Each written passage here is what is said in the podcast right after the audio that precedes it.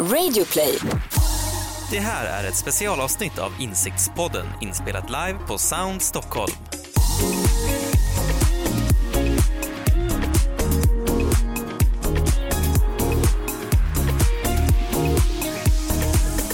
Bara 17 procent av varumärken har en ljudidentitet medan 90 procent har en visuell identitet. Och hur ska man göra för att utveckla sin ljudidentitet? Eh, vad ska man tänka på och vad ska man skippa? Eh, om det ska vi prata med Andreas Dahlqvist från NordDB som är här i podden idag. Och vi som gör den här podden är Jasmine Winberg, redaktör på Resumé Insikt. Och Julia Lundin, också redaktör på Resumé Insikt. Välkommen hit Andreas. Tack så mycket. Hur mår du? Bra, hur mår ni? Vi mår bra, tack. Vi mår bara fint. Ja. Poddat hela dagen här. Ja, poddat Ja. hela dagen. Ehm, ja, kan inte du börja med att berätta hur ni jobbar med era kunder som eh, ni jobbar med McDonalds, Klarna till exempel? Eh, Ja, men precis. Det är intressant det där, eh, den där siffran som du nämnde innan, det är en amerikansk undersökning.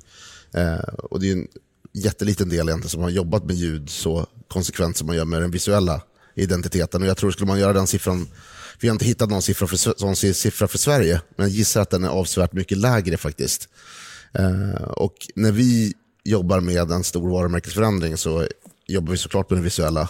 Men vi försöker också skapa, och skapa en tydlig visuell värld. Men vi försöker göra motsvarande, eh, motsvarande liksom forsk, ut, utforska en motsvarande eh, ljudidentitet och skapa ett ljudbibliotek och en ljudvärld som blir representativ för, för ett varumärke. För att det finns väldigt få saker som skapar en emotionell koppling som ljud och musik. Kanske lukt möjligtvis som är så pass omedelbart som, som musik och ljud är.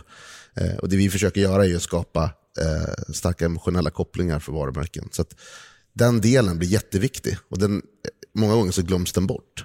Så om man tar Klarna som ett exempel till exempel så tror jag man spontant tänker på de, eh, den visuella världen vi har byggt för det varumärket. Mm. Som är lite så här high fashion with a twist kanske. Det lånar väldigt mycket av liksom, eh, modevärlden. Eh, det man kanske inte tänker på det är att vi också har jobbat med en ganska konsekvent ljudidé. Eh, vi har beskrivit det nästan som en feberdröm. Eh, så att när man börjar lägga de här elementen tillsammans så händer någonting med hela känslan. Så det är ju inte bara att det är liksom en hög modegrad, utan liksom, vi skapar ju en annan typ av värld för Klarna som är lite mer twistad. Eh, och där spelar ljudidentiteten jätte, en jätteviktig roll. Så att det var en stor del av att här, bygga eh, identiteten för dem. Mm. Det, hade inte den reklamen funkat utan ljudet? Där, för att den är ju som du säger väldigt specifik. Alltså det visuella är ju väldigt eh, uppseendeväckande om jag använder det ordet. Jo, men det funkar ju också såklart. Vi gör ju saker som inte har ljud. Men ljudet förstärker den känslan som vi vill skapa. Så att jag tror när man jobbar med det så konsekvent som vi har gjort, så utan att man tänker på det, så förflyttas den känslan mer när man till exempel bara ser en stillbild. Eh, samma sak gäller för Vattenfall, en annan stort, stort eh, varumärkesutvecklingsprojekt som vi har gjort. Där vi har ritat om loggan och ritat ett, eh, ett typsnitt och vi har gjort om eh, ja, hela den grafiska verktygslådan egentligen för dem. Eh, men eh, parallellt med det så gjorde vi också eh, motsvarande sak för deras ljudidentitet. Och Det som är lite intressant, det är väldigt lätt att man tänker kanske på ljudidentitet, eh, den första man kanske tänker på en ljudjingel. Eh, och det är väl inte det vi pratar om eh, i första hand. Det kan fortfarande vara någonting man använder sig av. Men vi försöker hitta någonting som är bredare, att det snarare är liksom en portfölj, eh, portfölj av ljud. För att ju mer man jobbar med ljud, desto mer är risken också om man har ganska hög frekvens på sin marknadsföring, att man ledsnar på det helt enkelt. Eh, och det är ju inte alltid samma, exakt samma typ av känsla man vill frammana eh, eh kanske. Och man har massa olika behov. Det kan ju vara allt ifrån att man sitter och väntar i växeln till ett företag till att man gör en reklamfilm. Och då måste man titta på ett massa olika användningsområden och kanske lite olika känslolägen. Så att där gjorde vi ett, ett stort projekt tillsammans med eh, Plan 8 eh, och eh, har skapat en hel ljudvärld och portfölj av ljud för Vattenfall. Hur låter eh, Vattenfall då? Jag har inte hört. De låter kompetenta. Kompetenta? Det är, de, helt rätt. det är deras, om man tittar på det, det, om, liksom den emotionella, det emotionella utry- utrymmet som de befinner sig i, så är det ett, det är ett, kompetent, eh, det är ett kompetent bolag. Eh, Motsvarande kanske, skulle man göra en jämförelse med, med ett, eh, en annan kategori kanske skulle vara Audi. Eh, som befinner sig i motsvarande liksom, ja, känsloläge. Men Vattenfall ingår ju lite i ett lågintressesegment eh, som energi, eh, skulle jag säga. Man Ja. kanske inte brinner för varumärken inom det segmentet, eller? Det beror på. De befinner sig i ett väldigt, tycker jag, ett ganska högintressant segment just nu. För att om man pratar om klimatpåverkan och eh, klimatfrågan så är energibolagen så har de en jättestor roll att spela där. Eh, Så jag skulle nog säga att beroende lite på hur man ser det så är det nog en högintresseprodukt just nu. Såklart. Men kommer fler kunder välja Vattenfall på grund av ljudet? Eh, Ja. Ja, ja. det är klart du Ja. säger det. När du pratar om så här ljudjinglar och sånt, liksom, då är det så här hemglass eller McDonalds I'm loving it och sånt. Alltså funkar inte det längre att ha enskilda sådana? Liksom? Jo, det gör det. Och vi har jobbat med det jätteframgångsrikt för McDonalds eh, till exempel. Och ju mer indirekt tittande, man pratar just liksom rörlig film och sånt där, att man kanske gör någonting annat medan någonting står på i bakgrunden etc. Eller man kanske tittar på en device samtidigt som man har kanske tvn på i bakgrunden. Eh, så är det såklart att, att den typen av eh, branding blir också effektiv. Eh, för just för McDonalds är det, är återigen en sån, eh, en, sån, en typ av marknadsförare som har hög frekvens på sin reklam. Och jag tror att gör man det på fel sätt så finns det en risk att det nästan känns eh, lite inkräktande. Eh, eh, för att det blir så ot- otroligt repetitivt. Så det vi jobbar med dem, de här fem tonerna som man känner igen från McDonalds, eh, finns ju liksom någon form av eh, grundkomposition för det. Sen har ju vi liksom komponerat om den varenda gång beroende på vilken historia vi berättar.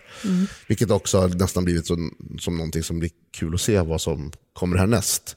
Eh, och lite överraskningsmoment. Eh, så det funkar.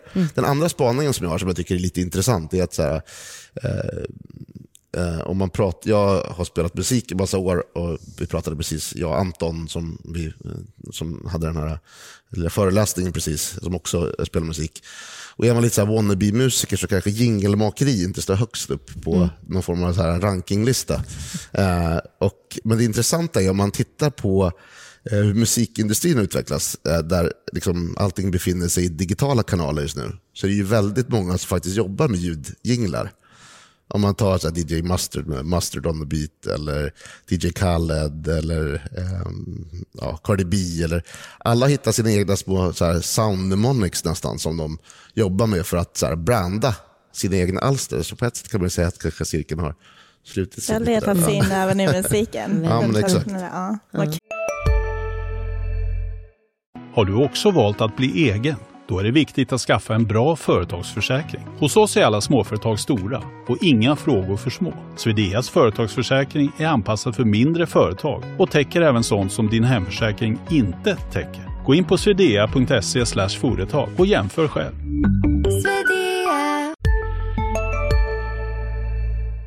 kul. Ja.